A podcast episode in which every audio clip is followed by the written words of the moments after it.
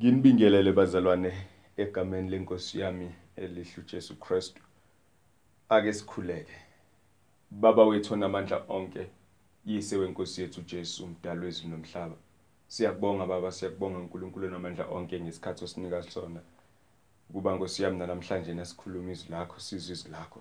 Phinda Nkosi yami ukusigcina, usivuselele, silondoloze egameni lika Jesu Christ inkosi yethu. Amen. Bazalwane, isifundo sethu sanamhlanje na sisithola encwadini ngokaLuka isahluko 14 verse 12 to 24. ngokukaLuka isahluko 14 eh from verse 12 to 24 la kufundeka khona kanje wathi nakommemileyo uma wenza isidlo sasemini noma sakusihlwa ungabizi abahlobo bakho nabafowenu nomndeni wakho nabokhelwane bakho abacebileyo. Funa nabo babuye bakumeme kube khona ukwenanana kepha uma wenza isidlo mema abampofu nezinyonga nezimpumputhe uyakubusiswa ke ngokuba bange kwenanisela uyakwенaniselwa ekuvukeni kwabalungileyo. Esezwile lokho omunye wababehlezi naye ekudleni wathi kuye ubusisiwe lowo oyakudla isinkwa embusweni kaNkuluNkulu. Kepha wathi kuye umuntu othile wenza idili elikhulu wamema abaningi ngesikhathi sedili wathuma inceki yakhe ukuba isho kwabamenyiweyo ukuthi zanini ngokuba sekulungisiwe konke kepha bonke baqala ukuzandulela ngazwilinye. Oqala wathi kuye ngithengile insimu kuswelekile ukuba ngiye ngiyibone ngiyakuncenga mawungilandulele omunye wathi ngithengile izinkabi eziyishumi sengiya ukuzilinga ngiyakuncenga mawungilandulele. Omunye wathi ngithathile umfazi ngalokho ngingeze. Isibuyile inceku yabika lokho enkosini yayo. Khona umninindlu wathukuthela wathi encekini yakhe khawuleza uye emigwaqweni nasemingcingwaneni yomuzi ungenise lapha abampofu nezilima nezimpumputhe nezinyonga. Yathi inceku inkosi sekwenziwe ngokuyala kwakho ngokuba isikho kepha isekhona indawo.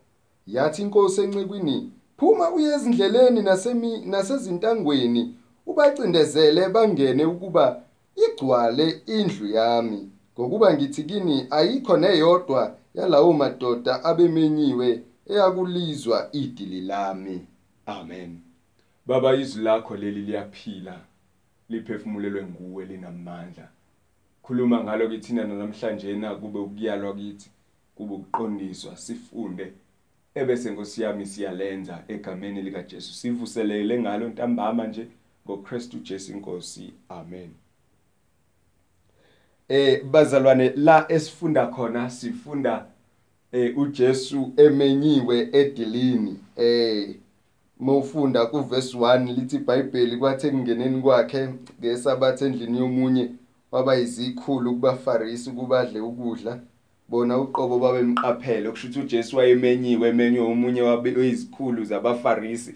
And kudekiwe ke itafula lana ubiziwe uJesu ukhona uyafika uhonorisha iinvite. Uma efika uJesu khona ufika eh bamqaphile. And ekumqapheni kwabo kunomunye eh ovelayo ogulayo. Kunomunye oqhamukayo eh a udinga usizo udinga ukuba uJesu amdabukele. Lithi iBhayibheli lesizulu wayephethwe isifo samanzi. And uJesu ke uyafika ke kuye ke uyambamba. Eh uma embamba uyamphulukisa kodwa ngaphambi kokuthi amphulukise uqala uyabuza kubafarisi kuvunyelwe yini ukuphulukisa eh ngesabatha kuvunyelwe yini? Bayathula abamphenduli sokhumbula ukuthi abafarisi izazi umthetho lezi. Abafarisi abantu abawaziyo umthetho abafamilia nawo and bakhona ke zikhona izazi umthetho bakhona abafarisi and uJesu kusebuza kibo ke abamphenduli uyamphulukisa lo and uyammukisa esemmukisile lona okade edinga usizo. Usethi ke ngimuphi kini othi mekade nenkabi noma enenkomo noma imvu besingene emgodini angayophuli na? Angayitholi futhi uJesu ke impendulo nalapho. Uma ke kusenjalo uJesu ubuka isimo nesetting yala ebizelwe khona ehleli khona. Kungena abantu labantu abafikayo bazongena bazohlala ezihlalweni ezikhona. Uyababuka abantu basefa izihlalo ezibekiwe zibekwe njengononina. Usethi kuJesu ungakafiki kule ndaba esiyifundile. Usethi qaphelani nixwaye ukuba ningazifuneli indawo ebekwe phambili ngoba nizophoxeka uma sekufika laba abasethelwe indawo. Yebo le ndaba ufundisa abantu ukuziphatha okuhle ufundisa abantu ukuzithoba ufundisa abantu ukuthi abahlale balindelwe ukutshelwa. Khona abantu nje ongeke uzubatshele ukuthi awukuthi ucupha lana. Khona abantu abathi makunemicimbi uyazazi ukuthi yena ufuna indawo ene spotlight indawo ephambili. So nakule case ke kwakunabantu abakanjalo.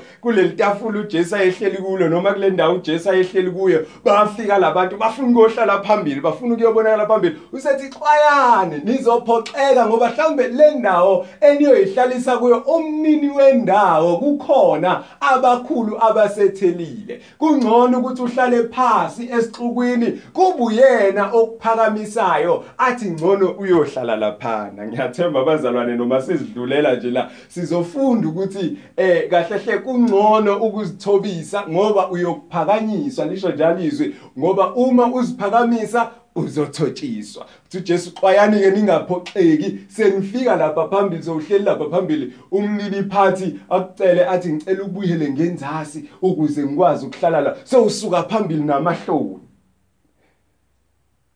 Sesifika ke la esifunda khona uJesu ukhuluma nomnini wedili. Uthi eh ekummemeni kwakhe nawe phela uboxwaya. Ukuthi mawenza idili noma wenza isidlo ngabe sasemini kungabe sakusihlwa ngabe santambama umeme hayi kuphela abafowenu. Umeme hayi kuphela abayizinjinga njenganawe. Ungamemi hayi kuphela aba rich njenganawe. Kodwa womema laba bangena lutho ihlupheki. Umeme abangacebile umeme abantu abangeyilutho. Umeme impumputhe izinyonga nabampofu. Kuleso sidlo uthi khona uyakubusiswa ke ngokuba bengakwenanisela. Ngoba umema laba abakwi high status njengawe nje ukuze bezokwazi ukukumema nawe kusasa. Ngamanye amazwi lokhu akuqhamuki ekujuleni kwenhliziyo yakho ngoba nakho uthi ufuna ukusiza. Noma uthi ufuna abantu bajabule nawe. Kodwa ukwenza lokhu ngoba nakho ufuna nawe bakwenzela ifavor efanayo uma ngakusasa sekuyibona benze lokho uthi uJesu ke xwaya qaphela ukuthi umema nabantu eh abangayilutho impumputhe abampofu inyonga abahlwempu abahluphekayo ukuba bazodla nawe abangazukunanisela ngalutho. Uthi ngokwenze njalo uyakube sewubongwa kuphi ekuvukeni kwabangcwele. Usethi ke lo munye abahleli naye etafuleni umeyizwa le ndaba uthi mm engathi babusisiwe labo abayohlala badle etafuleni likaNkuluNkulu ekuvukeni kwabangcwele. Ingathi uJesu ufuna ukumphendula ukuthi akusibo bonke ababuka lokhu njenganesibusiso. Akusiko bonke ababuka lokhu njenga nokwenza okuhle. Ngoba siphumile isimemo esithi wozani ngokuba sekulungisiwe konke. Wozani sekulungisiwe konke. Kodwa abantu bayazandulela. uJesu wenza lo mfanekiso nje ufundisa ukuthi kunedili elenziwe and abantu bayimenyiwe and abantu bayazilandulela abafunanga ukuza kulelo dili. Okunye mhlambe singakubuka lana ukuthi lona othi babusisiwe abayokudla kuleli dili sizokhumbula ukuthi abafarisi primarily amajuda. And uma kuyamajuda laba bazibona kuyabantu vele abafanele ukuba setafuleni lokugcina nenkosi ukuba sekuvuke noma ukuba eh ekupheleni sebenonkulunkulu sebehlezi nenkosi bazibona beabantu abafanele ukuba kulelo tafula. And uJesu uzokhumbuza labantu ukuthi bakhona kade bemenyiwe specifically. Incwadi kade ziye kuhlobo oluthile labantu kodwa labo bantu bazenqaba izicelo noma izimemo. Yebo kungenzeka ukube bebezibona amaJuda njengabantu bokuqala kade befanele ukumenywa. Kodwa uJesu uzobakhumbuza ukuthi bangaphasi kwalaba abathi hayi mina ngisanda kuthenga insimu. Hayi mina ngisanda kuganelwa. Hayi mina ngisanda kwenza ukuthi. Yiloko kunye kufuna sikubone sisehla nayo le ndaba yethu. Ukuthi lona usho kanjena nje ukuthi hey ubusisiwe lowo muntu yakudla usinkwe embusweni kaNkuluNkulu. amaJuda nawo lomqondo ayazi ukuthi kukhona la khona bezohlala etafuleni likaNkuluNkulu. And bathi ke ubusisiwe lowo muntu. Bafuna uJesu athi yebo nina. Kodwa uJesu ngathi uzobatshela emehlweni ukuthi nina beningabokuqala ukumenywa kodwa yini futhi enidicilele phansi isimemo? Sokuba kulelo dili. Muntu othile wenza idili elikhulu wamema abaningi. Ngesikhathi sedili wathuma ingceku zakhe ukuba isho kwabamenyiweyo ukuthi zanini ngokuba sekulungisiweyo konke. Zanini? Ngiyalezo wami namhlanje zanini ngokuba sekulungisiweyo konke? Sekulungisiwe idili lidekiwe zibondiwe itafula lidekiwe. Kushodi ngabantu abazozodla uthi ke zanini? And ekubabizeni kwakhe kubonakala uhlobo labantu abanake kakhulu okwabo. Baqala ukuzandulela ngazwilinye wokuqala wathi kuye ngithenga insimu kuswelekile ukuba ngiye ngiyibone ngiyakun ngiyakuncenga ungilandulele yiloku esikubonayo namhlanje na uma kushunyayelwa izwi likaNkuluNkulu yiloku esikuzwayo namhlanje na umuzi umuntu athi hayi awuthi ngiqale ngiqede lokhu kuqala. Umtshela indaba zezwi likaNkuluNkulu umuzi umuntu athi hayi angikwazi ukushiya bakithi mina ngihambe nenkolo yabelungu. Indaba esizwayo lezi kaningi abantu banezaba abazibikayo. Abantu kunezinto abazibeka phambili. Abafuni ukulithatha izwi likaNkuluNkulu ba responde positively kulona. Kodwa kunezaba abazibeka phambili bazandulela. Lana bathi mina ngisanda kuthenga insimu. Oyedwa uthi mina ngisanda kuganelwa. Umunye uthi ngithenga izinkabi eziyishumi. Sengiya ukuyosilinga ngiyakuncenga mawungilandulele isimemo siphumile sithi umcimbi uyenzeka. Uthi lona ngikwazi ukuba kulowo mcimbi. Uthe lona ekuqaleni babusisiwe. Kodwa uJesu uzama ukuveza ukuthi akubona bonke ababona ngaleyo ndlela. Abanye basidelela isimemo abanye bashiya isimemo. Saze sawela nakubantukazana nje. Saze sawela naseyimpumphuthweni. Saze sawela nakuba mpofu. Saze sawela nakulabo akade eh bengaziwa ukuthi siyofika kuso kubona. Saze safika kuthina. Uma ngingakhuluma kanjalo simemo size safika kithina uqobo. Ngoba abokuqala kade bemenyiwe basalile isimemo. Basinqabile isimemo banake kakhulu into zabo and namhlanje kusenzeka futhi kusazokwenzeka nakusasa ukuthi lizoshunyayelwa izwi likaNkuluNkulu lizofakazwa izwi likaNkuluNkulu and abantu ngoba bazinake bona nenyama yabo abazulalela kodwa bazonaka iminako yezwe bazokwenza abakuthandayo ngoba banake izinto zabo. Kodwa umyalezo uthi zanini? Ngokuba sekulungisiwe konke. Zanini? Wozani kulungisiwe konke?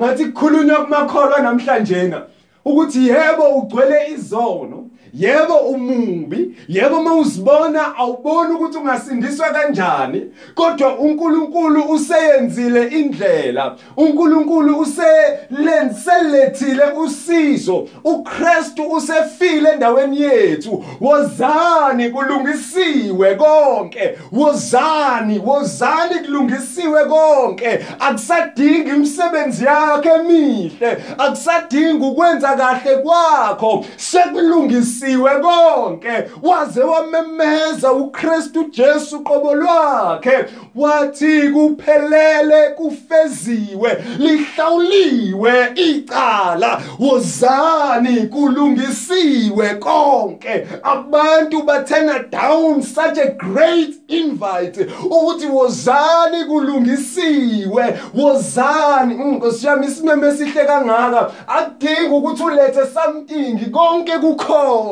Kulungiswe kwaze kwalungiswa ngisho ingubo. Kulungiswe kwaze kwalungiswa. Wena uqobo. Wozani. Wozani kulungisiwe konke. Ngathi ukhuluma nebandla lanamhlanje elithi kodwa ngosiyami ngasinda kangakanani kulolu labo olungaka likaNkuluNkulu? Ngisinda ngoKristu Jesu kuphela ongisizayo ukuba ngigcine imiyalelo kangikhona ongisizayo ukuba ngigcine izwi likaNkuluNkulu. Wozani kulungisiwe konke. Nkosiyami me uKristu noma uNkulunkulu ebuka thina usibuka through uChrist ukuze thina sizobonakala siyabantu abahle. Nasi simeme simnandi kusihlwa. Nasi simeme sihle kusihlwa. Wozani kulungisiwe konke.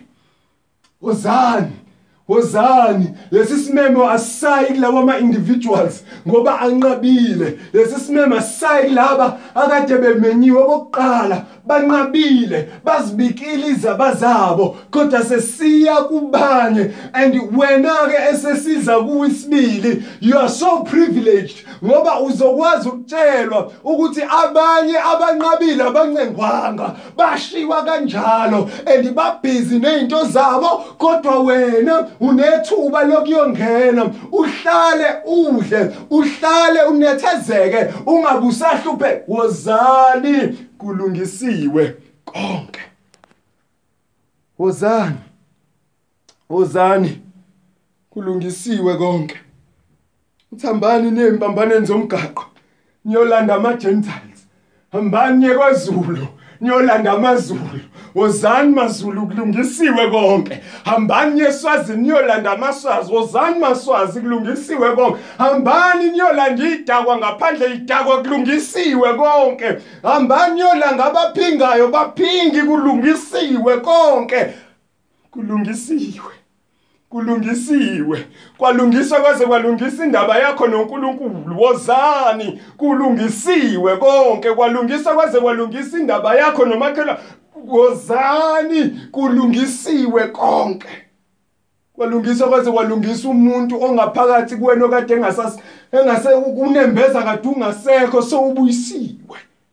Wozani wozani kulungisiwe kulungisiwe konke. Kulungisiwe konke. Yilo umyalezo enguphathele nina abazalwane. Namhlanje ilona umyalezo enginawo namhlanje ukuthi wozani. Konke kulungisiwe. Wozani kuKristu Jesu. Kulungisiwe yebo likude ikhaya. Ikhaya lami lisemazulwini kulapho ngohlala ngiphumule nginethezeke. Athi ohlabelelayo isango lakhona nguJesu. Awu Nkosi yami asikwazi ukungena ngenye indlela. Singena ngoKristu Jesu ivuliwe indlela. Yokuza kuNkulunkulu kade singakwazi ukuya kuye kodwa ngokwehla kukaKristu azofa endaweni yethu kulungisiwe. Sesikwazi ukungena. Sesikwazi ukubonakala phambi kaNkulunkulu kungenani kulungisiwe konke. Zanini? Zanini kulungisiwe konke? Mm, naloko kade kukuhlula naloko kade kuxaka akulungisiwe. Naloko kubhlungu okukhathaza inhliziyo yakho kuluzani mm. athi uKristu ngelinye ilanga come to me and I will give you rest. Athi uPetru niphose kuye inkathazo zenu yena uyakunithwalela ngoba bazalwane kulungisiwe konke. Ngiqedile ngiqedile na umyalezo bengiwuphethe. Wozani wozani wozani nalakade uhleli khona usaba phuma. Phumani ebumnyameni ngenani ekukhanyeni ilungisiwe indlela. Uhelebhile amagedlugedlu kuyahambeka kwahlonga sibi. Akhona amanzi ehlala. Wozani yo nkosi yami wozani kulungisiwe konke. Asikhuleke egameni likaJesu baba wethu ongcwele yise wenkosi yethu uJesu. Mnini mandla onke? Siyabonga ukuzwa. Siyabonga mnini mandla onke. Izwi lakho ntambama. Sibonga ukwazi ukuthi Nkosi yami ulungisile konke. Sibonga ukwazi ngikhona ukuthi usihlelele. Sibonga ukwazi ukuthi Nkosi yami insindiso yethu isetshenziwe yaphelela. Itholakala kanye kuKristu Jesu. Sibonga ukuthi kade singaphandle singabantu bokulahlwa singabantu abakude. Uyilungisile indaba yethu. Wasenza izimenya nezicukuthwane emcimbini wakho. Egameni lika Jesu Kristu waseNazaretha siyalangazelela kangaka lelo suku. La khona Nkosi yami siyohlala phansi sidle nawe. Yiba nathi nangalesi sikhathi ngoJesu Kristu inkosi yethu usigcina usilondoloze usivikele kuko konke usithwale ngikhona ngokuba siyaphephela kuwe. Wena nkosi yethu inkosi yethu okuhla kukho ngaphandle kwakho thatha udumo namanje kuze kube kuphakade. Amen. Samkeleni umusa bazalwane. Musa wenkosi yethu Jesu Kristu uthando likaNkuluNkulu Baba hlanganyelo kaMongcwele makube nathi sonke kusigcine kusilondoloza azafika uJesu Kristu inkosi yethu. Amen. Wozani wozani kulungisiwe konke. Nkosi yomusa mayinibusise amen.